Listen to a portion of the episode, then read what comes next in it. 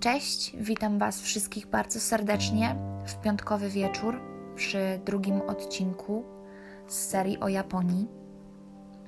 Dzisiejszy temat e, nie będzie wesoły ani zabawny, bez żartów czy innych wzmianek.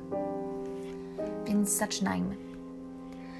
W Japonii bardzo często dochodzi do samobójstw i nie są one może w pierwszej dziesiątce ani trójce jednak współczynnik tych samobójstw jest dosyć niepokojący.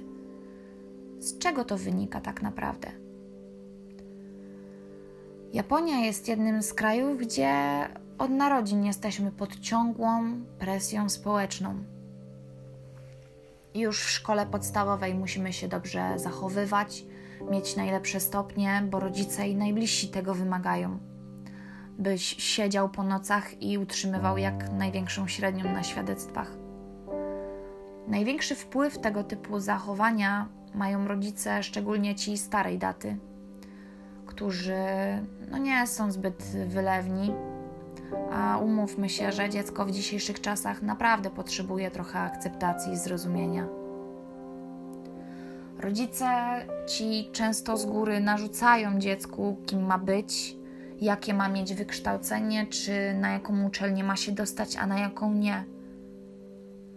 Wiele razy też słyszałam, i oczywiście nie mówię tutaj tylko o rodzicach z Japonii czy w Polsce, ale ogólnie, że chcą od samego początku, żeby dziecko spełniało ich własne marzenia, które kiedyś mieli, no ale na przykład nie było ich nigdy na to stać, albo czasy były inne, co jest no błędem i absurdem, no bo no chyba nie muszę mówić, dlaczego tak twierdzę. Wracając do tematu. Co za tym idzie? Ogromny stres i nacisk z otoczenia. Ciągle musisz być lepszy niż inni. Ciągle musisz mieć lepszy status społeczny, dobrze płatną pracę, na krok jesteś oceniany. Japończycy bardzo wiele poświęcają na to, aby jak najlepiej zdać egzaminy i te końcowe, i te początkowe. Często dopada ich depresja, jak już wcześniej wspominałam, przez długie siedzenie do późna w książkach. Jednak te rzeczy, które powiedziałam, mają wpływ. Może mały, może nie ale nie jest on jednak aż tak wysoki. Czemu tak mówię? Wyobraźcie sobie sytuację, że macie jakiś problem.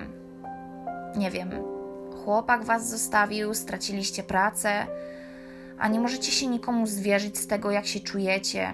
Jesteście po prostu zostawieni sami sobie.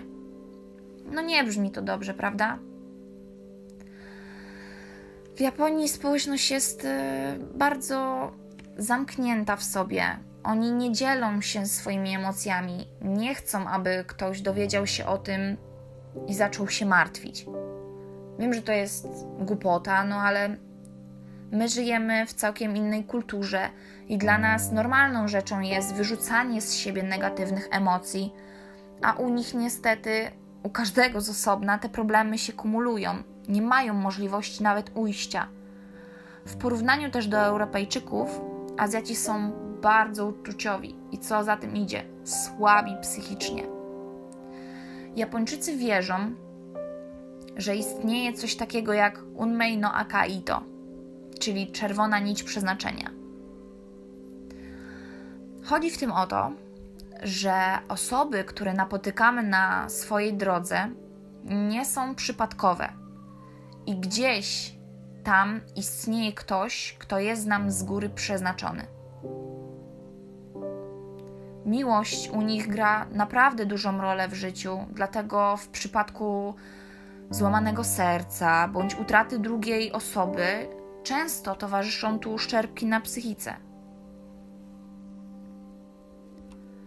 W Japonii jest drugie na świecie miejsce popełniania samobójstw i złą sławą został objęty las u stóp góry Fuji.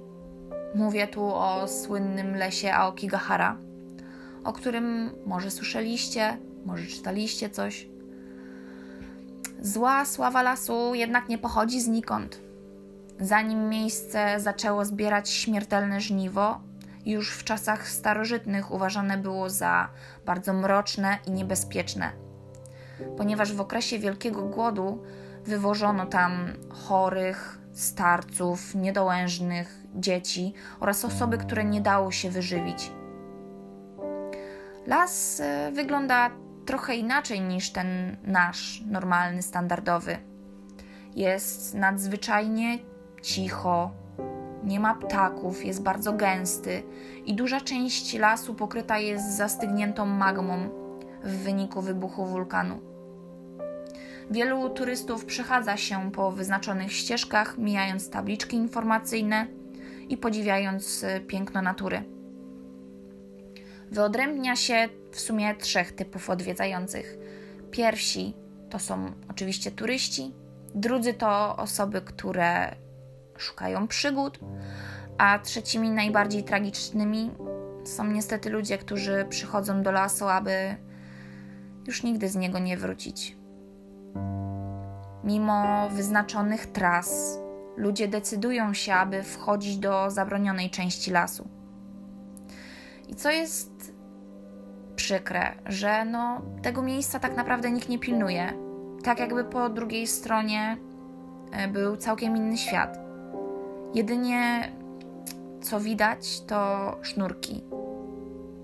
Kolorowe, białe, czarne, rozwieszone między drzewami przez ludzi, tylko po to, aby dać sobie szansę na powrót do ścieżki albo i do ponownego życia. Niektórzy używają ich tylko po to, aby łatwiej było znaleźć ich ciało w przyszłości. Wchodząc do tej części lasu, gdzieś tam zastanawiasz się, czy to są czyjeś ostatnie kroki, czy nie. Dla ludzi, którzy kończą swój żywot, jest to po prostu pełen rodzaj, forma estetyki. Wybierają różne formy, tak jak powieszenie czy przydawkowanie leków. Więc jak widzicie, no, nie są to przelewki. Podsumowując, chciałabym zwrócić się do Was z, pełną, z pewną prośbą. Nie bójcie się mówić o swoich problemach.